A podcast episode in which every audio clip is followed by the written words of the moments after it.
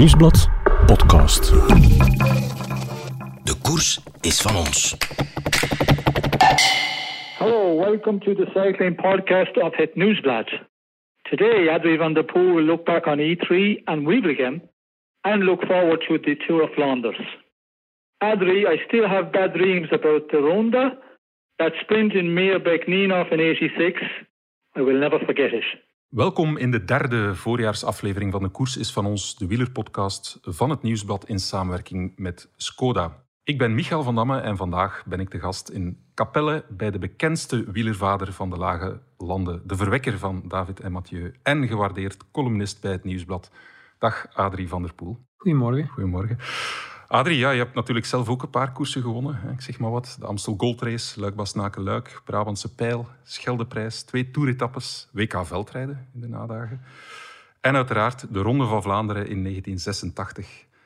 Enig idee wie de man is die daar nog steeds nachtmerries over heeft en onze podcast inleiden? Ja, ja, ik weet het wel natuurlijk, Kelly. Maar of hij er echt nachtmerries van heeft, Ja. eh, ik zou niet te veel nachtmerries hebben met zo'n palmares. Dus Ja. eh, fantastisch wat die kerel allemaal gepresteerd heeft. 194 Ja, profzeges behaald. echt, echt, echt eh, diep respect voor. Ja. Wel één hiaatje, toch? Alblieft? Eén hiaatje. Ja, ja, ja, ja. Maar ik denk dat hij dan toch moet kiezen dat hij liever mij als winnaar zag als iemand anders. Dus ik denk, ik denk dat we op, op, op die manier wel zo een goede relatie hadden van, van vrienden, tegenstanders. Ik denk dat, dat, eh, dat er wederzijds eh, respect was, dat het heel groot was. En ja, voor mezelf, ik ben er gewoon heel makkelijk in. Kelly was een eh, ja, veel beter renner dan ik was. Ik ben veel completer, eh, jaren aan een stuk, van begin tot het einde. Wat ik kan zeggen, diep respect. Ja. De derde stem die je intussen hoorde is die van Jan-Pieter de Vlieger alias eh, GP, wielerreporter bij het Nieuwsblad. Ook welkom. Dank u wel. Ja, Kelly vertelde mij, eh, jullie eh, hebben inderdaad een goede vriendschappelijke relatie. In Diegem of zo, zij koffie gaan drinken nog? eh? Ja, dat is eigenlijk gekomen. Dus ehm, ja, dan moet ik het meest ondankbare woord weer gebruiken. Wij hadden knechten, helpers, eh, noem maar op. En Mark Dirks was dan aan mij gelieerd. En eh, Ronan Ongena aan Kelly. Mhm. En Ongena en Mark Dirks waren twee boezemvrienden. Oh.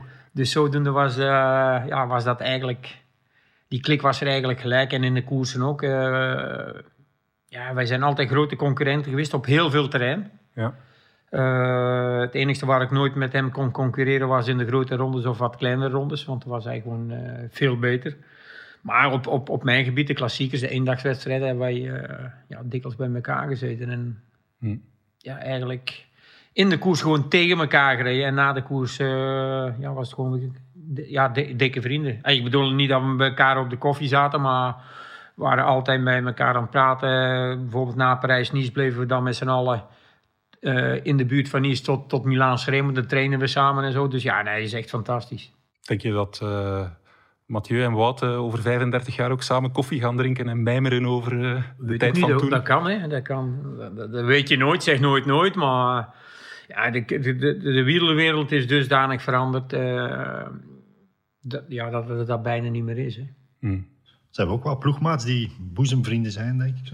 Ja, ja. Merlier is toch een beetje een gemeenschappelijk... Ja, ik weet niet hoe ver dat, dat nu nog geldt natuurlijk. Eh, dat kan. Eh, maar ja, er het zijn dingen dat... eh Melier heeft zijn eigen weg gekozen nu. Dus ja, die zit nu eigenlijk eh, bij een andere ploeg. En ja, dan...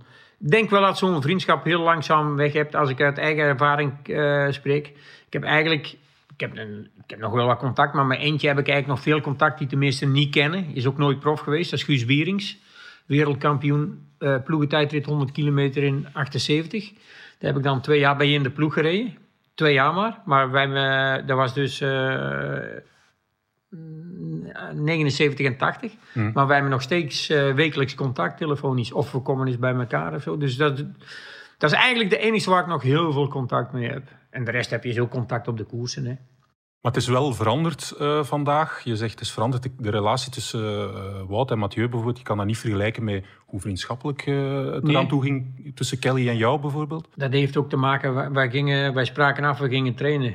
Ja, dat gaat nu niet meer tegenwoordig. Hè, want je, je krijgt een heel, je, je krijgt een heel boekwerk waar je mag eten heel de dag. En hoe je moet trainen. en Waar je, ja, ik bedoel, Wij gingen trainen en als Kelly zes uur ging, ging ik zes uur. En als Kuiper acht uur ging en ik was met Henny aan het trainen, ging ik ook acht uur. Ja, ik denk dat dat heden ten dagen niet meer, eh, niet meer voorkomt. Dat is inderdaad moeilijk geworden voor renners om nog samen te trainen. Want de ene moet blokjes trainen en de andere mag Ja, vooral is- geen blokjes trainen. Ja, ja het, het, het is eh, ja, meten en, en weten is het geworden. Hè? En ik denk dat er er wel voor gezorgd heeft dat het niveau toch weer, toch weer wat de hoogte in gegaan is. Plus, plus je krijgt natuurlijk ook de specialisatie van de renners. Al opgedeeld in een aantal blokken in het seizoen. Dus ja, dus, eh, ik zeg al, als, ik gewoon kijk naar... je kunt de meeste wel volgen. Ze komen maximaal nog aan 80 koersen. Wij zaten op 160 koersen, waarin je allemaal met dezelfde renners, van Bessage tot Lombardij, een heel jaar door. Ja, en nu hebben ze het voorjaar, eh wat rust. Ze gaan weer opbouwen naar de Tour. Naar de Tour ja, zo, zo heeft ieder zijn eigen, zijn eigen doel en, zijn eigen trainingsschema's. Ik wilde nog een keer terugkomen op die WK eh ploegentijdrit. 100 kilometer. Jij was een van de... nee, ik niet. Oké. Ik heb dat wel gedaan op de Olympische Spelen. Heb ik de 100 kilometer. Maar dat was, eh, in die tijd was dat een heel belangrijk onderdeel bij de amateurs. En eh, ik zat dan in een ploeg, Jan van Erptegels. Die, die, ja, die maakte van het tijdrijden en vooral het ploegentijdrijden, dat was hun, daar waren ze volledig op ge- gefocust. En toen in die tijd was Jan Giesbers daar ploegleider.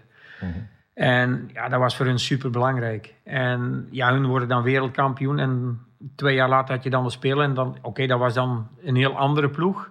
Normaal hadden we gewoon de kwaliteiten om op de Spelen top 3 te rijden. Maar dat liep van meter 1 af, liep dat zo fout. Dat waren er nog 99. Ja, eh, en komma hele lange, dat kan ik je verzekeren. Hoe is dat om 100 kilometer ploegentijdrit? Dat is plezant als het goed gaat. En dat is een hel als het niet loopt. We hadden één renner erbij, die, was, die reed zo hard, veel te hard. Dus die reed binnen vijf kilometer. Binnen vijf kilometer reed die heel het team helemaal naar de Filistijnen. Helemaal. Uiteindelijk reden we dan, ja, ik geloof dat we 16e of 17e werden. En, en 18e was Zimbabwe op sandaaltjes.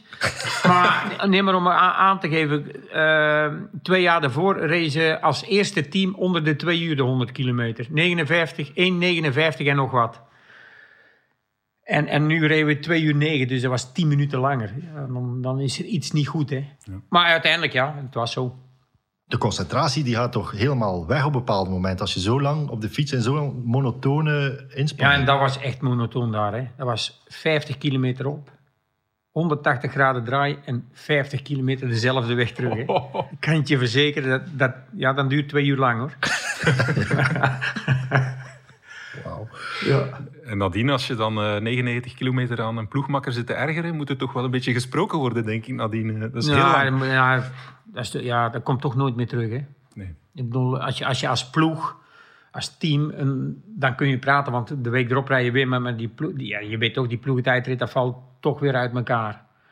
En ja, voor mezelf zijn die spelen dan toch nog geslaagd geweest. Omdat ik eerst Europeaan werd op de zevende plaats. Dus ja, dat was dan toch nog wel eigenlijk een opsteker, weet je wel. En, en, want ik, ik, we wisten gewoon dat we conditioneel goed waren. Ja, anders word je ook niet zeven op de Spelen, hè. Dat vond ik toch een vrij lastig parcours.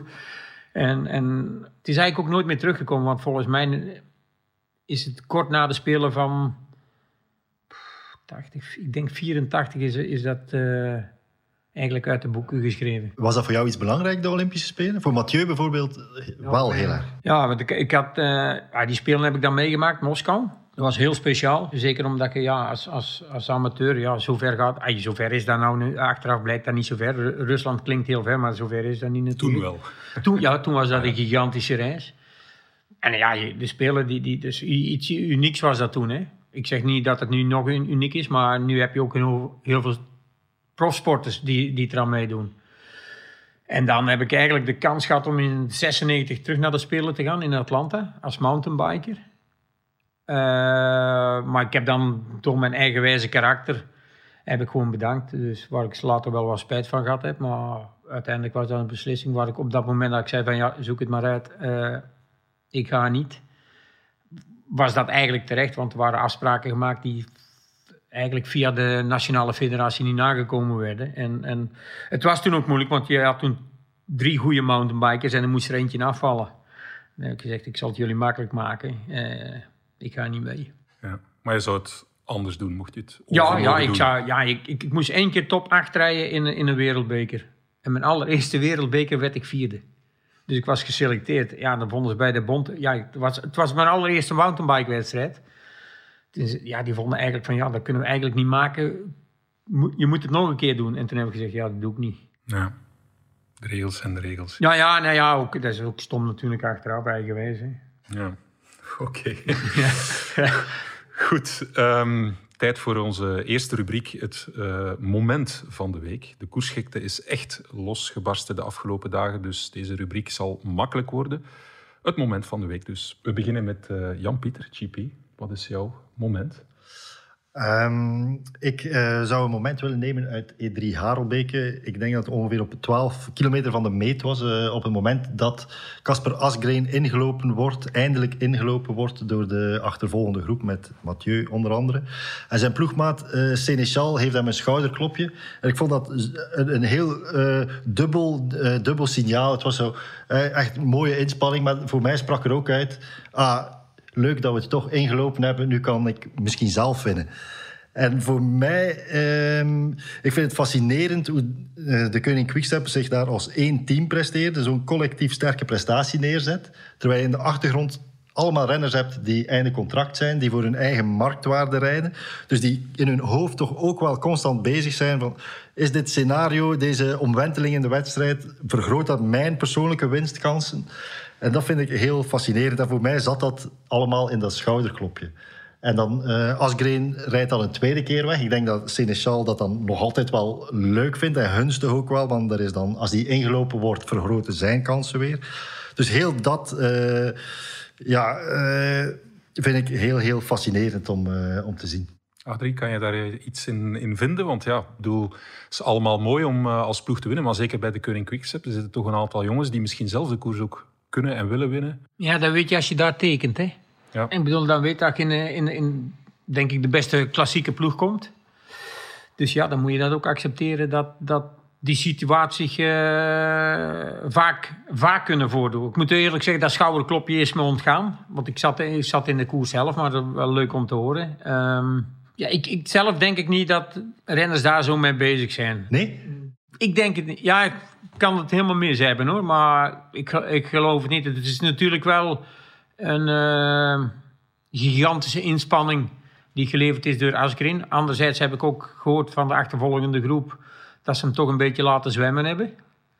Eh, en dan op een gegeven moment, ja, dan wordt zo kort. En dan is het gewoon verstandig dat, dat hij ingelopen werd. En ik zat toevallig met de vader van de gebroeders Roodhoofd in de auto. En hij zei, wat denkt jij? Ik zeg, Asgreen gaat winnen. En die kijkt me zo aan. En die is net teruggepakt. Ik zeg, en toch gaat hij winnen. En dan, ja, je, je weet gewoon, op een gegeven moment geven de, de niet, eh, de kunnen quickstep renners, dan demereert eentje en zeggen ze, ja, zoek het maar uit. We rijden er niet achter, dus. Maar je moet het wel doen, want die anderen hebben ook de kansen gehad, hè. Ja. En die hebben het niet gedaan. Dus, eh, maar ik blijf er wel bij. Is wel, eh, ik, ondanks dat ze hem toch een beetje laten rijden hebben. ik vond het een zeer groot nummer wat hij gedaan heeft. Wielrenners zijn zo'n grote sportmannen die alleen denken... wij willen als ploeg de koers winnen. Ja, maar ik, ik, denk dat dat bij bijvoorbeeld bij een Seneschal en, en Stibar is dat natuurlijk in de loop der jaren wel wat weggeëpt. Omdat die vaak in dienst rijden van. Eh, anderzijds kan ik me wel voorstellen dat ze zeggen van... Goh, dit was voor ons een unieke kans om te, om te winnen. Ehm, ik denk dat Stibar, als je kijkt, ook, na, ook na zijn sprint... dat daar het beste wel wat af was. En, en ja, die, die heeft natuurlijk maar één ding gedacht van op de sprint.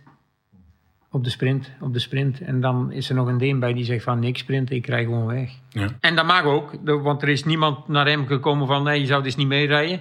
Die heeft gewoon 10 kilometer in het wiel gezeten of, of 7. Toch weer wat kunnen herstellen. En dan ook gedemereerd, denk ik wel met de instelling van oké, als ik hier 100 meter heb, wie gaat daar dichtrijden? Blijven Van Aert, Van de Poel, blijven die rijden?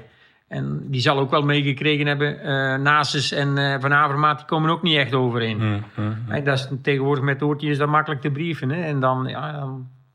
Maar ik zeg, je moet het gewoon doen. Chapeau. Want bijvoorbeeld eh, gisteravond was er eh, de uitzending de ronde 104, hè, waar we een beetje achter de schermen kunnen kijken. En wat dan opvalt bij de briefing 's ochtends, eh, bij jullie, bij Alpe, Alpes in Phoenix, wordt gezegd van ja, we willen vandaag hè, winnen met Mathieu. dat wordt duidelijk gezegd. Bij eh, de Koning Quickstep was de briefing... We gaan vandaag winnen als ploeg. Dus dat, er is toch een andere instelling waarmee je aan die koers begint. Ik denk dat er bij jullie ook gezegd werd, we proberen Mathieu hè, uh, aan de Quaremont te brengen in goede positie enzovoort. Maar bij, bij Quickstep ja, is het meer als ploeg winnen. Dus je zegt van als je tekent bij die ploeg, ja, liggen de kaarten anders toch een beetje. Dat is... Ze hebben ook andere renners. Hè. Je kunt, je kunt, okay, ik, ik ben gewoon eerlijk en iedereen kan er zien. Ik denk dat de ploeg van Mathieu het geweldig doet. Ja. Maar je kunt ze nog je verder van naast de ploeg Quickstep zetten. Omdat om, ja, er zit ten eerste veel meer budget. Ja, dan kun je ook beter renners aantrekken. Uh, ik doe geen één renner tekort, want ik denk tot op heden dat elke renner die bij Alpecin Phoenix rijdt het maximale eruit haalt. De, de insteek is natuurlijk al iets anders. Hè? Ik bedoel, mm. wij gaan winnen of wij gaan proberen. Ik bedoel, ik denk dat dat ook de, de logische verhoudingen zijn. Ja. Ik denk dat daar niks mis mee is. Ja. Maar ja, je weet het, hè. Bij, uh, bij, uh, bij Quickstep is het nou eenmaal zo. En ze zitten ook op hun terrein, vooral het voorjaar. Dat is voor een, uh, ja, dat is, daar zijn ze gewoon de beste ploeg in. Moet, daar moeten we niet geheimzinnig over doen. En dat is niet alleen voor het jaar, dat is al 15 jaar zo, of 20 jaar. Ik bedoel, dat gaat al terug uit de Mapai-tijd. Ja. Ik sla nog een keer op mijzelf de nagel, maar voor Seneschal maakt het toch een enorm verschil naar verdiensten volgend jaar. Als, als die E3 wint, of, of laat ons die situatie vertalen naar de Ronde van Vlaanderen, dan Koffiedies komt dan misschien met een gigantisch contract. Voor zo'n gasten is dat toch een enorm verschil in verdiensten. Ja, weet ik. Maar, maar als, als je als Kofi dus hem wilt hebben, dan, dan kijkt hij daar dwars doorheen. Hè? Denk je dat? Ja. Die smijt het toch al met geld. nee, maar, nee, ja, maar naar gevestigde waarde, hij is meer gevestigd als ja, die ja, wint. Ja, maar ik, ik denk anderzijds ook, stel voor als, als Seneschal wint, uh, dan weet ook van, hé, hey, dat is wel voor, ik kon heel voorzichtig zijn, 75% door de ploeg. Hè. Mhm. Je moet daar wel zitten. Ja. Dat klopt, maar het is ook een hoop door, door de ploeg. Hè. Ik, ik, daar zou ik als, als manager ook rekening mee houden. Mhm. Kunt zeggen, ja, maar ik heb dat gewonnen. Dan zeg ik zeggen, ja, oké, wacht even. Uh, weet je nog wat die mannen allemaal voor jou gedaan hebben? Dus dan lijkt mij de prijs die ik jou bied redelijker als de prijs die jij vraagt, snap je? Mm, mm. Dus, dus maar, maar ik ga er vanuit, nog steeds vanuit dat Patrick die uh, volgens mij... En die weet ook wel welke renners dat hij wilt houden. En ik denk ook dat Seneschal daar wil blijven. Dus ja, ik, ik ga het niet verder zoeken als, als, als op dit moment. Maar, maar het is in, in, inderdaad, uh, veel kansen krijg je niet. En in dit geval Askreen heeft hem gepakt en niet Seneschal. En dan kunnen blij zijn met je tweede plaats. Maar dat is dan toch een tweede plaats waarschijnlijk met een klein zuur randje. Hè? Ja, beetje toch. Adrie, heb jij een moment? Je hebt ons in spanning gehouden. Ja. Je ging het aan uh, de inspiratie van het moment overlaten. Dus we zijn zeer, zeer benieuwd. Ja, ik pak ook het moment van Wout van Aert op de Tichem. Ja, leg eens uit. Ja, frappant. Ja. Van tevoren goed. Vijf minuten slecht en daarna weer goed. Ja. En, en voor mij is dat ook niet de eerste keer hè, ja. dat hij dat tegenkomt. Er zijn nog voorbeelden waar dat zo gebeurd is. Hè. Ja. Dus heel, heel raar. Heel, een heel raar moment. Uh, hoe dat komt, ja, dat, is misschien dat hij het zelf ook niet kan verklaren. Dat gewoon even een dipje, even wat rustiger en er weer door, dat kan. Maar heel frappant. Ja. Voor de duidelijkheid, we hebben het over de E3, mochten de luisteraars Ja, nog niet uh, mee zijn. Ja, moment van, van overschatting, verkeerd ingeschat. Ik weet niet. En ik zeg altijd, het is niet de eerste keer. Hij heeft er al ervaring mee gehad. Hè? Dus, dus, dus dan zou het toch onderhand moeten weten waar het aan ligt. En misschien weten ze het ook, hè? dat weet ik niet. Hè? Maar dat het uh, binnen de ploeg blijft, weet ik niet. Ik weet niet. Wanneer heeft hij er nog voor gehad? Strade Bianchi. Dat was meer gepland, zo gezegd. Ja, ja, ja, maar ook niet alleen dit jaar. Hè. Vorig, het, uh, drie jaar terug ook. Hè. Maar is dat dan zelf ook zo sterk zijn, jezelf zo sterk wanen, dat je toch op een bepaald moment ook zelf wat van aard zijn een beetje moet leren van ja, ik ben ook maar een mens? Of, of... Zou die zich laten ook meeslepen in een soort van euforie op een bepaald moment? Van, oh. Dat kan, maar als je 20, 21 zit, dan snap ik dat allemaal. Maar als je al zes jaar prof bent, dan snap ik dat niet zo meer. Ah, ik denk als je zo lang fietst, dan, dan moeten wij het toch redelijk goed kennen. Hè? Mm. En, en dan kan het altijd nog gebeuren. Hoor. Want kijk, Mathieu heeft ook anderhalve hongerklop gehad hè, op het WK. En nu in Tirreno ook bijna weer. Hè. Voilà, dus we kunnen hetzelfde dan zeggen. Ja, ja, ja maar hij wist het dan nog, net, hij, nog wel net op te lossen natuurlijk. Mm. Hè. Dus en, en de weersomstandigheden zijn ook een stukje anders geweest dan, dan wat het afgelopen koersen is geweest. Hè. Ik bedoel, een hongerklop met goed weer komt veel minder voor dan een hongerklop met, met heel slecht weer. Hè. Ja. Maar van Wout is ook geen hongerklop, daar ben ik bijna zeker van. Want, want anders kunnen de daarna ook niet zo terugrijden. Dus eh, het zal een momentopname geweest zijn. Vond je dat Mathieu gelijk had toen hij zei dat hij Wout gemist had in de achtervolging op Asgreen? Ja, het helpt altijd wel. Hè. Het zijn concurrenten, maar, maar ja, het- ze zitten vaak samen in dezelfde situatie. Mhm. Het grote probleem van, van meerdere ploegen is dat ze, dat ze zich te veel gaan focussen op de, eh, Mathieu en Wout. Mhm. Ik bedoel, als je dat gaat doen, gaan we eigen, eigen koers verliezen. Hè. Ik bedoel, ik denk in welke omstandigheden dat je ook altijd eh, van eigen kwaliteiten uit moet gaan. En dat- van de tegenstander kun je er meenemen, maar uiteindelijk ver- verandert er niks aan de manier van koers. Het gaat, gaat om winnen. Hè. Ze stemmen ook wel een koers op elkaar af. In eh, E3 zag je ze toch quasi altijd in hetzelfde beeld en heel dicht bij elkaar in het peloton zitten. Ja, ja dat, dat zal ook vaak de plek zijn waar je moet zitten. Hè.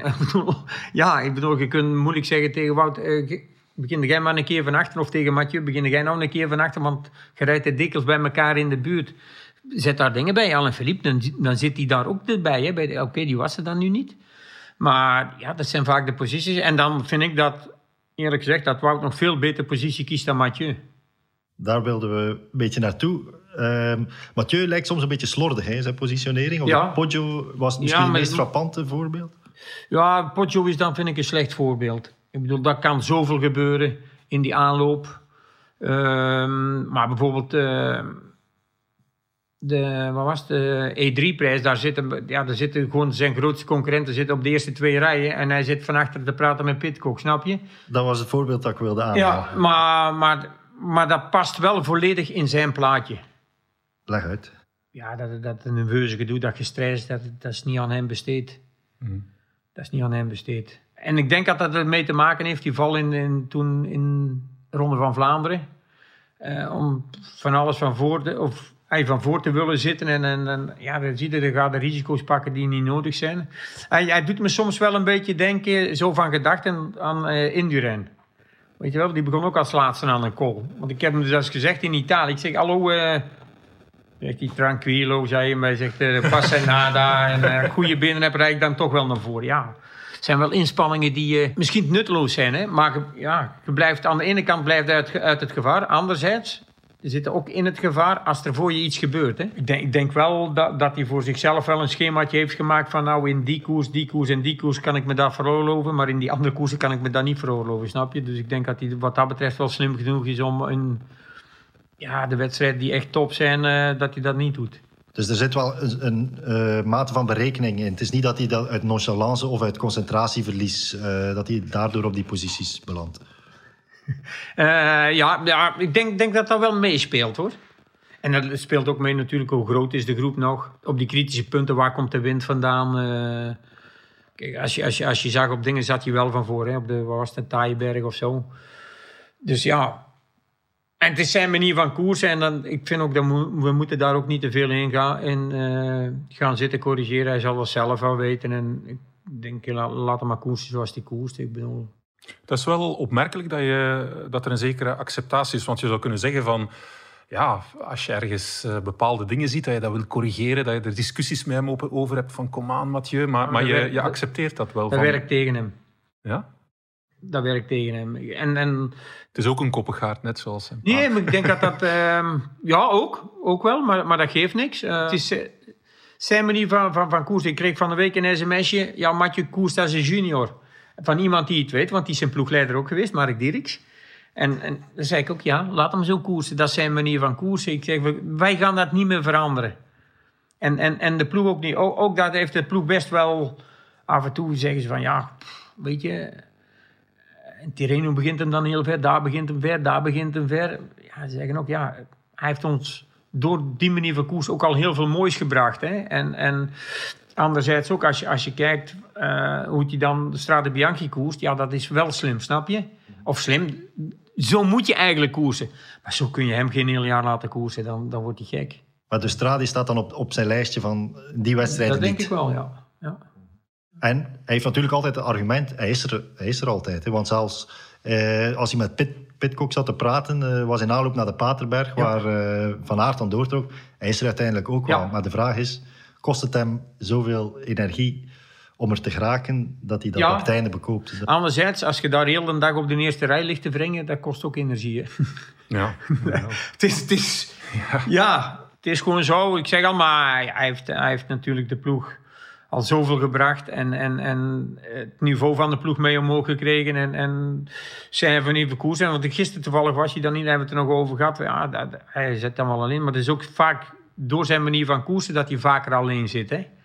Ik bedoel, ja, dat moet je ook accepteren. En hij heeft ook geaccepteerd dat, wat ik denk, als je, als je ziet gewoon de ploeg eh, van de E3-prijs, ja, dat was nou niet de sterkste ploeg. Mhm. Ja, moet dat? Ja, ik vind daar hoeft dat niet. Maar bijvoorbeeld, kijk, als je de ploeg van Gent-Wevelgem zag, die was wel een stuk sterker. En je moet wel maken dat je de mensen die je allemaal in Vlaanderen wilt hebben, dat die allemaal gekoerst hebben. Hè? Je kunt niet zeggen, ja, we gaan met heel die klassieke ploeg en dat, ja, zit, de rest zit gewoon een, heel, een maand thuis. Ja, dat gaat niet. Je moet iedereen wel wat laten koersen. Dus als je dan als ploeg werkt van, oké, we laten daar Matje rijden, daar houden we hem thuis, daar laten we die andere rijden. Nou, van die twee ploegen hebben we in totaal, eh, wat is 16 of 17 man of 18 man die ook eh, meegetraind hebben. Nou, daar maken wij de ploeg van van de Ronde van Vlaanderen. Ja, dan, in principe zou je daar wel met de beste ploeg moeten zijn, want dat is, ja, met alle respect, E3-prijs, Harenbleken, weet ik het wat er allemaal nog zit, eh Waregem, dat, dat is toch, die zijn belangrijk, maar toch anders belangrijk dan de Ronde van Vlaanderen. Gebruikt hij zijn, zijn ploegmaats genoeg? Is hij daar veel eisend genoeg in? Ja, dat zijn dingen die moeten groeien. Hè. Ik bedoel, hij zou wel zeggen waar het op staat. Het is goed geweest of het is niet goed geweest. Het, is niet per definitie als je een koers wint dat het goed is geweest. Hè. Ik bedoel, eh, waar was dat? Dat was, eh, daar wonnen we de koers en dat was gewoon, we zijn heel de koers niet in beeld geweest. En Tim Merlier wint dan toch die koers, snap je? Leuk. Ik zeg, maar we gaan ook nog koersen hebben dat je fantastisch gereden hebt en dat we geen uitslag hebben. Hè. Ik zeg, dus dat, het een veegt het andere weer weg. Hè.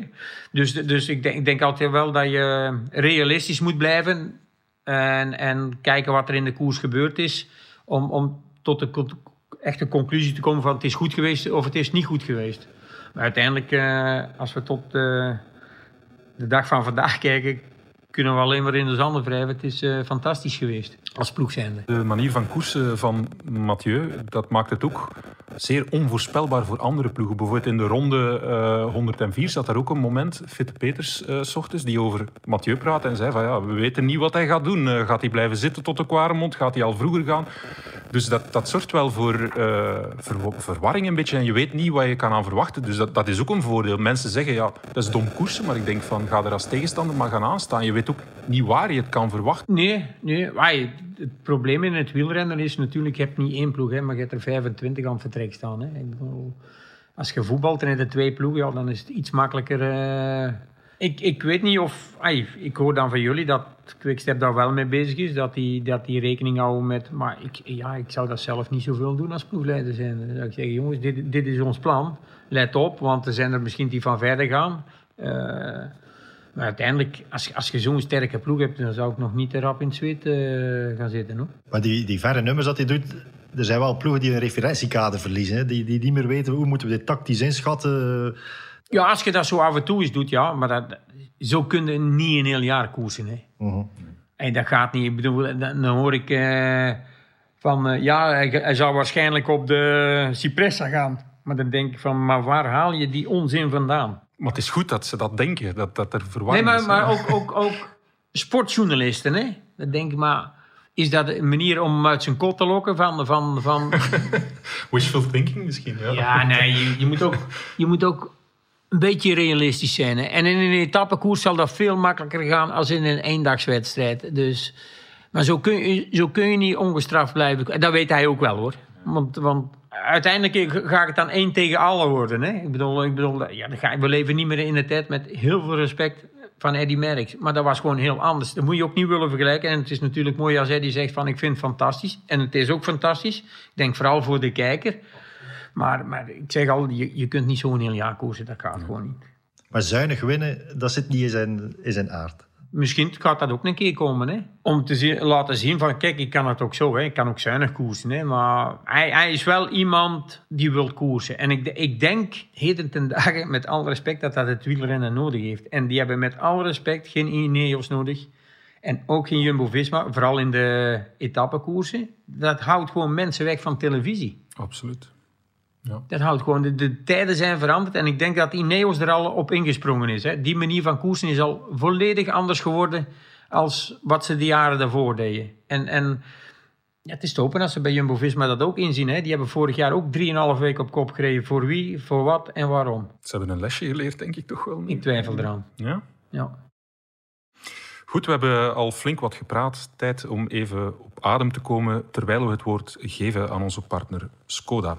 Wist je dat Skoda 125 jaar geleden begon als fietsenmerk? Pas na 10 jaar volgde de eerste Skoda auto. Al die tijd werd Skoda gemaakt door en voor fietsers. Geen koers zonder Skoda. Skoda. Simply clever. De Ronde van Vlaanderen wordt Vlaanderens mooiste genoemd. Maar hoe denkt een uitgeweken Nederlander daarover? Dat komen te weten in onze rubriek Haat of Liefde. Adrie, alleen maar mooie herinneringen aan de ronde? Ja, eigenlijk, eigenlijk wel. Eigenlijk wel, ja. 86 de mooiste die je won? Of? Het is niet per definitie dat een overwinning altijd het mooiste is. Ehm, er zijn ook edities, eh, de editie waar Van Raden, die Van Raden wint, dat hele slechte weer. Heb ik ook mooie herinneringen aan. Heel jammer dat ik de laatste 10 kilometer of 15 was ook eh, de man met de hamer tegenkwam. Maar dat zijn, dat zijn, ja, dat zijn zo'n momentopnames. Hè. Ik bedoel, ik, ik, ik blijf het fantastisch vinden. En dat heeft er dan ook wel mee te maken dat ik toen de beste renner op dat moment van de wereld klopte. Ja. Eh, wij kwamen elkaar eh, dat jaar bijna overal tegen, want in Roubaix zitten wij ook met vi- vieren vooruit, ook, ook met z'n tweeën erbij. dus, dus ja, dit, dit is wel. De overwinning op zich is wel heel speciaal. Maar het parcours, en ik heb dat al meer gezegd, eh, het parcours van de Ronde van Vlaanderen zou speciaal zijn als al die andere koersen in België niet over dat parcours gingen. Inderdaad. ja. Want dat vind ik bijvoorbeeld in Parijs-Roubaix. Dat vind ik zo speciaal van Parijs-Roubaix. Er komt één keer per jaar uitzonderlijk anderhalve keer per jaar rijden ze over die kassei. Als er een keer een toeretappetje is. Ik probeer altijd aan te geven. Hè. In, in 1981, want ik praat niet graag over vroeger. Maar in 1981 werd ik prof en dat je omloop het nieuwsblad. Drie klimmetjes. Hm. Op het eind van het verhaal hadden we een winnaar. Hè. Nu, 17 klimmetjes. En op het eind van het verhaal hadden we ook een winnaar. Ik bedoel, februari, wat, wat moet je dan 17 klimmetjes gaan doen? Ik bedoel, ik ben van het jaar gaan kijken naar het nieuwsblad. Ja, dan, dan zie je dat is een halve ronde van Vlaanderen. ja, dat is En, zo. en, en oké, het is zo, we zullen dat moeten accepteren. Maar ik zeg al, de ronde van Vlaanderen zou nog specialer zijn voor mij. Ik praat puur voor mijn eigen winkeltje. Zou nog specialer zijn als al die andere koersen minder van die bergjes of hele andere bergjes zou aandoen. Ja, ja. Want als je koers volgt, kijk je toch altijd een beetje... Oh, we gaan nu naar de Paddenstraat, we gaan naar de Berendries. Het zijn Ja. toch eikpunten voor, Ja. als kijker ook. Het is niet per se dat veel hellingen... Of veel hellingen maken een wedstrijd toch leuker. Of hij zit helemaal op slot. Hey, ik bedoel, ik heb eh, vorig jaar ehm, ben ik met een groep gaan rijden. In, vertrokken we in eh Oudenaarde. En dat is een rode route. Ook de Ronde van Vlaanderen. Fantastisch. Dan denk ik van ja, waarom rijdt daar E3-prijs niet over of Harelbeek? Ja, misschien mag het niet, hè? Mogen ze zeggen, die weggetjes niet pakken? Dat weet ik niet, hè? Maar dan denk ik, dat, dat zou fantastisch zijn. Ja. Dan zit je toch in de regio, maar op hele andere wegen.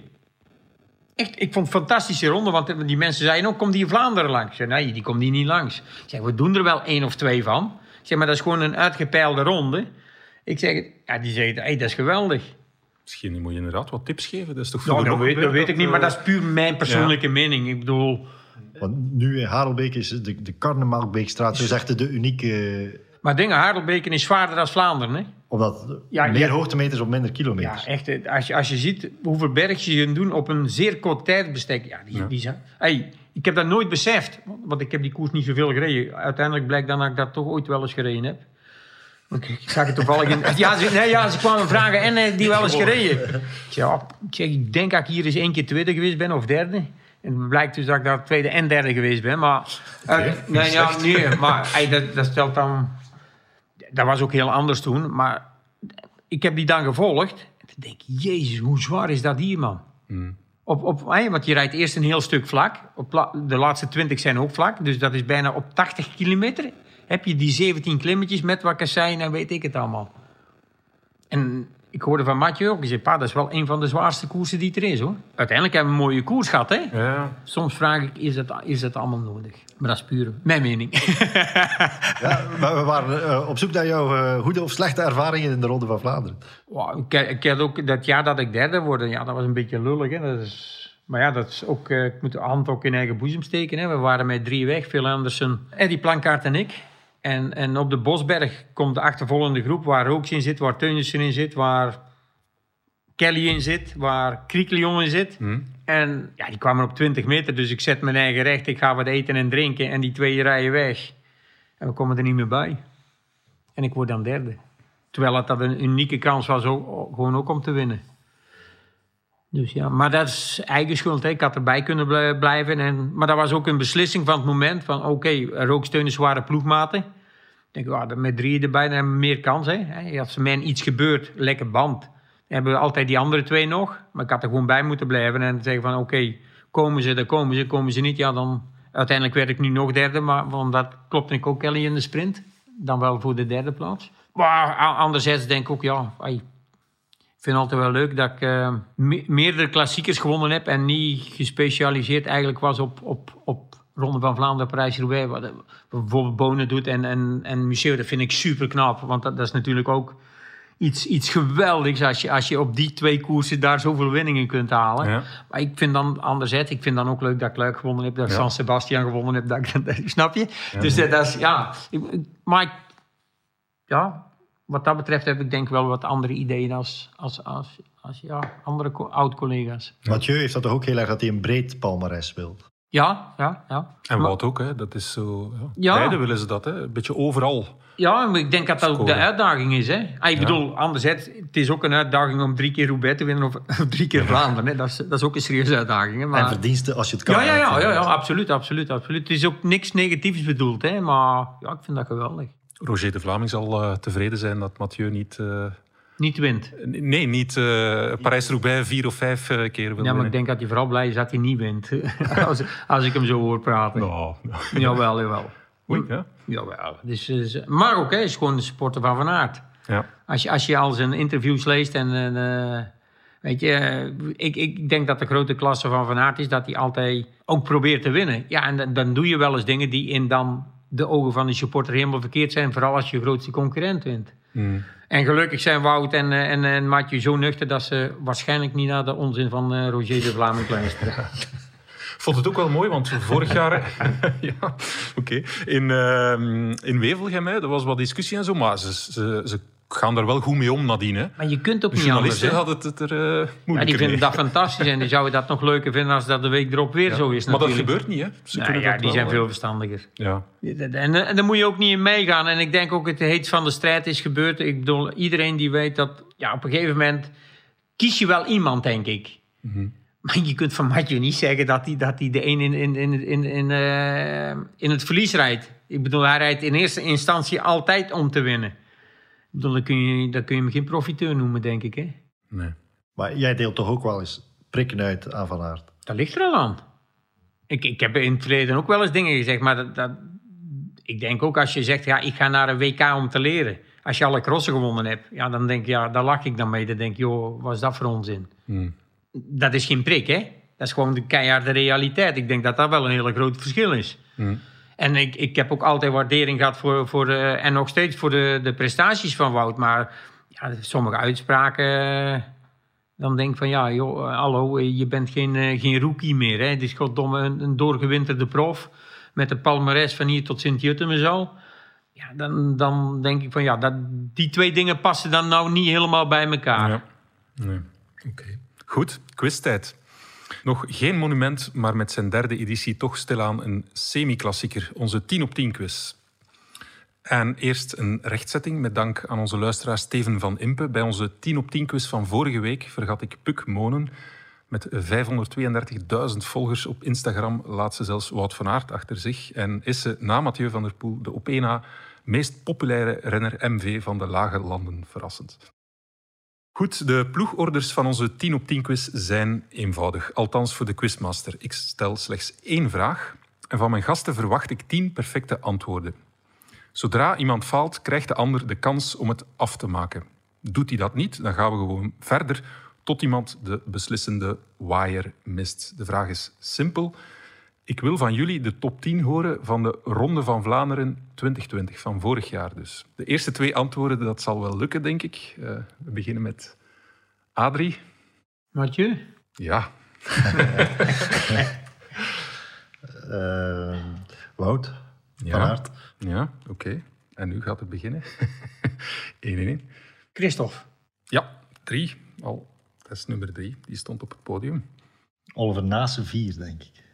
Dus zeven, maar dat uh, was niet de vraag. Dus uh, ja, oké. Okay. Nu wordt het moeilijker, hè? Ja. Er zit een heel verrassende naam bij. Uh, er zijn ook nog wat Belgen, niet allemaal Belgen. Een Nederlander ook. Er wordt hier enorm nagedacht en op de zenuwachtig op de Trentin? stoelen. Nee, Trentin niet. Dus nu krijgt JP de kans om het af te Ja, maar uh, oh, mijn buurman in Sint-Amansberg... Uh, maar kan in, de, in het heest van de strijd niet op zijn naam komen. Reed toen nog voor Koffiedies, nu voor... Uh... We gaan de klok laten lopen. Oh, maar ik moet even eruit stappen en er weer in komen. Ja, oké. Okay. En dan moet nu het antwoord komen. ja? Nee. Ja, dat is schandalig. Maar... Ja, nee. Oké, okay, dan uh, in principe gaan we dan... Ja, we gaan verder. Hè. Dus uh, je doet weer mee, Adrie. Je krijgt nog een kans om... Je krijgt ook uh, bedenktijd, hè, want... Als dat niet komt gelijk, dan, uh, dan komt nee. het niet. Ja. Noem een renner. Ik zei, er zit nog ja, een... ik ken er wel één, maar die, volgens mij was die zesde. Ja. Nee, nee. Uh, die ene die naar Koffiedis is gegaan. Ja? Die bedoel jij die, zeker? Ja, ja. Ja. Ik, we zijn op zoek naar dezelfde naam. maar die werd zesde, denk ik. En niet vier. Wat maakt niet uit, hè? De... Dimitri Klaes. Ja, GP. Werd die vier? Nee, die werd zesde. Ah, die werd zesde. zesde. Ik, de plaats wist ik wel. Ja, ja, ja. ja, ja. En dan, uh, ja, probeer, Adrie, nog iets? Nee. nee. nee. Oké, okay, dat wordt de GP. Ik hoef niks... Uh... Nee, maar er zijn geen prijzen aan verbonden. Nee, nee, dus, maar dat dus, geeft niet, maar het is prestige, hè? Ja, uh, ik merk hier de spotbank komt. Uh, ja, ja, ja. Adrie van der Poel. Het was wel op een lepe manier, hè, GP? Ja, ja, ja, maar... Ja. Nee. Dat is ook winnen. Zuinig winnen. Ja, ja. Er zijn van de Poel die dat niet kunnen. Op vier, uh, Anthony Turgis. Oh, ja. En die, die is ook wel goed aan het rijden. Hè. Zo op zijn kousenvoeten zit hij overal. Ja, gisteren was die ook, hè?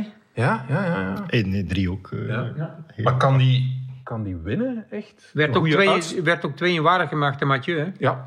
Maar kan die winnen? Of, of is dat zo iemand die een ereplaats zal rijden? Moeilijk. Maar je weet nooit hoe een, een koe een aas vangt, hè? Ja, ja, ja het is toch eerlijk. Het is een hele goede renner. Een goede uitslagen, maar moeilijk om te winnen. Ja. Ik vind het gewoon een mooie uitdrukking. Het is daarom dat ik uh, lach. en dan uh, op vijf uh, vorig jaar Yves Lampaard. Ja? Ja. Ook sterk aan het rijden, maar ja, is dat pech of is het net niet? Ja, ik denk ook dat hij, dat hij gedwongen zit in de omstandigheden. Ik zeg al, ze, ze koersen ook ietsje anders dan ze altijd gedaan hebben. Ja. De, ietsje, misschien dat hij nu met Alain Philippe toch een beetje zijn draai terug gaat vangen. Uh, ik denk wel komt natuurlijk net terug uit, een, uh, uit de stage, dus dat is altijd even afwachten. Mm. Maar ik verwacht wel dat ze niet hetzelfde gaan rijden als wat ze in, uh, in Harelbeke gedaan hebben. Dat, ja. Daar lint de koers zich ook niet zo voor. Hè? Nee. In Harelbeke was Lampaard wel sterk. Als je ziet hoeveel ja, ja, werk dat hij onderweg doet en dan valt hij met een lekke band ja. op de varend weg. Anders zit hij ook mee vooraan. Ja. Ik vind Lampaard zijn uh, verdiensten bij Quickstep toch groot door de jaren heen. Want je wint ja, zeker wel. zijn eigen koersen en hij helpt heel veel ja. nog grotere koersen winnen. Ja. Ik denk wel een gevaarlijke man is voor Roubaix. Ja, daar heeft hij ook volledig zijn zinnen op gezet, als hij nu gereden wordt natuurlijk. En dan op acht vorig jaar uh, Dylan van Baarle. Dat is nu een van de mannen die ook al in interviews gezegd heeft dat hij denkt over ja, anticiperen, misschien vroeger, uh, op die manier misschien kan, kan hij toch wel een gevaarlijke klant zijn, ik weet niet. Ja, is ook wel een vaste waarde zo rond die positie waar hij nu zit. Hè? Ja, rond ja, de 8 ja, zo. Ja. ja, we weten nooit. Hè. Dingen heeft dat toen ook eens uh, een tweede plaats gehaald. Uh, wie was het? Asgreen? Of derde was het? Tweede? Ja, tweede. Tweede. Ja. Uh, dingen ook zo'n beetje. Uh, Mats Pedersen, uh -huh. die toen ook tweede werd. Ja. Achter, wie was het ook alweer? Sagan? Ja, we gaan dat opzoeken voordat we weer een, een rechtzetting aan ons been hebben. Uh, ik, weet dat niet. Ja. Die, die altijd bleef ja, hangen op datzelfde gaatje. Volgens mij was Sagan. Ja, zo. Ja. Geen 100% zeker. Ja. Dus ja, zoiets kan Van Baarlen ook. Hè? Ja. Zoiets kan Van Baarlen ook. ja. Dan negen vorig jaar, John Degenkolb. Ja, Geloof ik niet in. nee, ik ook niet. gezegd. En Ties Benoot, tiende toen. Ja. Ja, ik zeg nooit nooit natuurlijk. Maar ja. Als, je dat, als, je, als je dat kunt, ja, dan blijf je altijd een outsider. Hè? Ja. Ik bedoel, en Ties is ook niet de eerste keer. Hij is ook al een keer vijfde geweest, dacht ik. Ja. Eh, ja, nee, dan moet je moet altijd heel voorzichtig zijn. Kijk, Degenkolp zei ik wel heel snel, daar Ja, geloof ik niet in. Maar ja. daar baseer ik me eigenlijk wel op de afgelopen koersen. Ja. Ja. Eh, ja, en ik denk dat dat ook een klein beetje weerspiegelt eh, de moeilijke periode die Lotto Soudal nu doormaakt. Eh, ze doen het goed met de jongeren, vooral in, in de niet-Vlaamse In koersen. de niet-Vlaamse koers, dus dat, dat, ja. is, dat is eigenlijk ook wel eh, goed om te zien. Maar toch in de, in de, de Vlaamse koersen schieten ze tot op heden wat tekort. Florian Vermeers was zeer verdienstelijk. Ja, ja.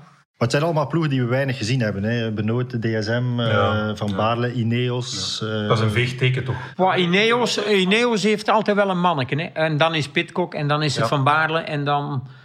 eh, Maar Pitcock gaat de Ronde van Vlaanderen niet winnen. Dat, zijn E3 eh, was eh, niet op het niveau dat je zegt. nee, nee, dat is natuurlijk ook... Dus, eh manneke is ook 21 jaar. Ja. Ehm, heeft al hele mooie dingen laten zien. En ja, toch een klein beetje oppassen dat het niet te veel wordt. Want 21 is maar 21 natuurlijk. Reed wel een zeer verdienstelijke Sanremo, vond ik weer. Maar de kasseien zijn niet zijn grote liefde, lijkt het. Ja, nee, maar wat krijgen van kasseien in, in Vlaanderen? Hè? Dat valt eigenlijk ook nog mee. Hè? Ja. Ik bedoel, het is geen Parijs erbij en die heeft hem dan gewonnen. Ik denk dat, hij dat, dat, dat het kereltje is, als hij echt goed is, dat hij dat ook kan. Ja. Ik zal niet zeggen dat het volgend jaar is, maar ik, ik sta er niet van te kijken dat hij een keer Vlaanderen wint. Ja, oké. En dan een wekelijks moment van tristesse. Het besef dat we bijna aan het eind van de podcast zijn. Maar eerst nog even troost zoeken met een pronostiek. Adrie, wie wint de Ronde van Vlaanderen? Ik kan maar één naam zeggen. Of? Ja, ja het is dat. dat, dat, dat kunnen jullie voor mij invullen. Hè. Ik bedoel, ah, stel voor dat je dit dan hoort en ik noem andere namen, dan zeg je, Ja? nou pa, Misschien je hebt kan wel... je wel een beetje, eh, een beetje op schep stellen. Zo, hè? Nee. Nee, niet nodig. Ik, ik denk dat hij gewoon... eh, ja, je moet, je moet een TC hebben, maar... pff, weet je, dat, dat is ook maar een TC, hè. Dat is ook Ja, maar een ja, naam, tuurlijk, hè. Ik tuurlijk, bedoel... tuurlijk, ja. la- laat ik zo zeggen, puur voor Mathieu... Laat ik gewoon zeggen, als hij daar zit voor mee te winnen, dan is eigenlijk het doel al half bereikt. Hè. Winnen is dan de kers op die taart. Ja. Dat zal voor de meesten gelden. Ehm Kerel, ik hou het er gewoon bij, bij Ja. Mathieu. Nou, je moet 2 en 3 ook nog weten. Nee, dat is Ah. goed. We zijn er al tevreden mee. Voilà. GP? Ja, ik heb voor, voorbije pronostieken zo'n beetje proberen eh, interessante namen Ja, eh, op te werpen. maar, Maar heeft mij eh, nog niet echt veel, eh, veel opgebracht. Dus ik ga nu voor eh, zeer cliché Wout van Aert. Ja, oké. Kan ook, hè. Kan ook, ja. Het zou mooi zijn... Volgens mij echt de, gro echt de grootste kanshebber is Asgreen. Ja? Ja. Als de ploeg rijdt zoals ze moeten rijden, dan denk ik Asgreen een hele grote kans maakt. Gewoon ook hetgeen wat hij van de week gedaan heeft, dat is... Het is een beetje het, het jaar van de Denen. Hè. Er zijn al echt heel veel Denen die, Ja. die winnen. Vinegaard eh, van, van Jumbo, eh, Honoré voor eh, Quickstep ook. Ja, het zijn ook allemaal goede renners. Hè. Ik bedoel, en, en ze zitten ook in die situ- situatie dat, dat ze kunnen winnen. Hè. Of ze creëren de situatie misschien wel om te kunnen winnen. Dus ja. Ja. Ik vind het een, een frappant verhaal, Asgreen. Want eh, Patrick Le- Lefevre vertelde dat ploegleider Brian Holm... vanaf dat er een eh, Deense renner eh, zijn hoofd boven het maaiveld eh, uitsteekt... dat hij hem al zes keer getipt heeft aan Lefevre. Maar Asgreen Deze had hij niet, hè? nooit... Deze ja, niet, ik heb, dat, eh, ik heb dat ook meegekregen. Ja, je kunt niet alles, hè. Nee. Je kunt niet alles. Maar ja, het is... eh, Maar het lijkt toch ook... Een renner die zo goed is, die moet toch opvallen op jonge leeftijd ook? Ja, dat weet je niet, hè. Dat is niet per definitie... Er zijn veel meer factoren, vind ik. Als, als je een jonge renner scout... en dan ze zien wa- wat je onder jong verstaat... maar laten we zeggen 15, 16, 17 jaar... zijn er een aantal aspecten die, die, die meespelen. Hè. Wat voor postuur heeft hij? Hm? Als je een beer van een kerel hebt en je wint bijvoorbeeld alles... Ja. Kan je zeggen van misschien heeft hij wat voorsprong. Ja, vroeg. eh, dan, dan kunnen we zeggen van... eh, oké, dat is er een die koerst altijd, maar die rijdt geen prijs. Hè, Ik bedoel, die is altijd bezig en de minder weer... En, Goed, goed teken eigenlijk. Dat kan. Familiale achtergrond. Is hem in de watten gelegd? Rijdt hij met het beste materiaal? Of heeft hij maar een fietsje van Gaat hem naar school of zit hem al hele dagen thuis? Ja. Het zijn allemaal factoren. Stamboom. Wat blieft? Stamboom blijkt ook soms eh, relevant te zijn.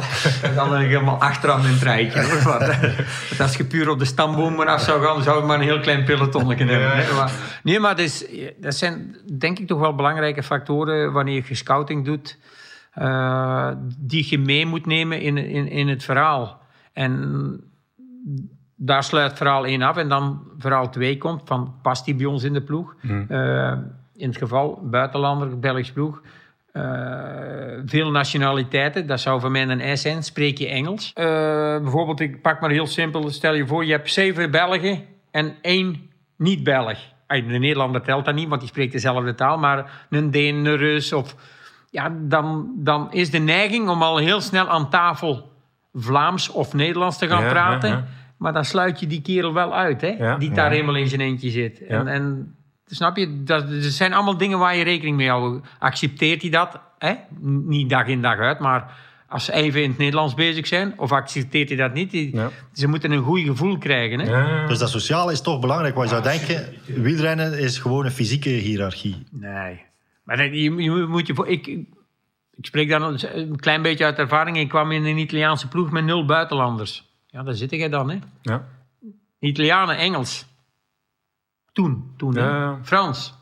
Ja, dat En dat heeft zijn weerslag in de koers dan ook. eh, Ja, nee, want wij, ik kwam toen op stage en drie weken later ging ik terug op stage. Maar toen wist ik wel, als koers gerelateerd was, waar ze het over hadden. En dan kon ik ook wel wat, wat antwoorden. Hè?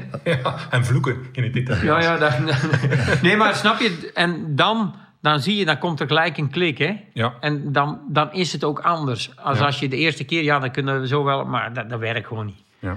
En dan door de loop der tijd dat ik daar zat, werd mijn Italiaans wat beter. Wa- Was gewoon beperkt over het eten, drinken en koerstechnisch. Maar ja, de rest was ook toen van ondergeschikt belang, hè? Ja. En ja, zo kun je jezelf er ook in werken. Maar dat is wel belangrijk dat je gelijk geaccepteerd wordt en dat je, dat, dat je een goed gevoel erbij Ja. hebt en zo. Dat zijn superbelangrijke punten. Ja. Ja, en, zo, en, en- ja, en zo kom je waarom je een renner pakt. Hè. En ik denk nog één dingetje vergeet. Vaak worden dan tegenwoordig ook nog testen gedaan, wattagetest en dit Ja, en dat. ja. Voordat ze zeggen van oké, die heeft kwaliteiten, die heeft ze niet. Anderzijds is dat voor mij niet het belangrijkste. Geef mij Nee. maar een, een vent met ballen aan zijn lijf, mijn, mijn, mijn, mijn, mijn, mijn, karakter en dan iets mindere waarde. En hoe test je dat dan? eh? Ik denk dat je in een gesprek heel veel te weten kunt komen. ja, ja, ja, ja. Dat denk ik wel. Wat blijft er nog over van je Italiaans? Porco dio.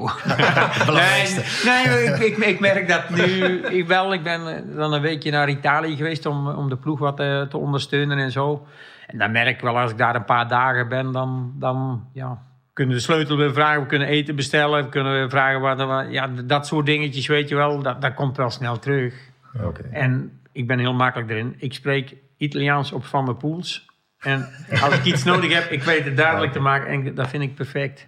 En dat hoeft niet perfect te zijn. In, in, in het tijdbestek, tijdsfouten en zo. Dat, la- dat, eh, Functioneel. ja. Kan je een eh, mooie Italiaans van der Poels volzinnen eh, de podcast eh, afsluiten? Ciao, arrivederci e buca lupa domenica. Oh, fantastisch. Mooier kunnen we niet afsluiten. Adrie, enorm bedankt. Het was eh, zeer interessant. We moeten zeker nog eens terugkomen. Maar de mensen die er eh, nog, eh, nog geen genoeg van hebben, die kunnen natuurlijk de wekelijkse bijdrage van Adrie in onze krant ook eh, lezen elke maandag. Bedankt ook GP. Bedankt eh, Xavier van House of Media, die ons goed gaat laten klinken. Speciale dank aan onze sponsor Skoda. Bedankt ook aan Alpes in Phoenix. En uiteraard many thanks, Mr. Sean Kelly. Tot volgende week. Het Nieuwsblad. De koers is van ons.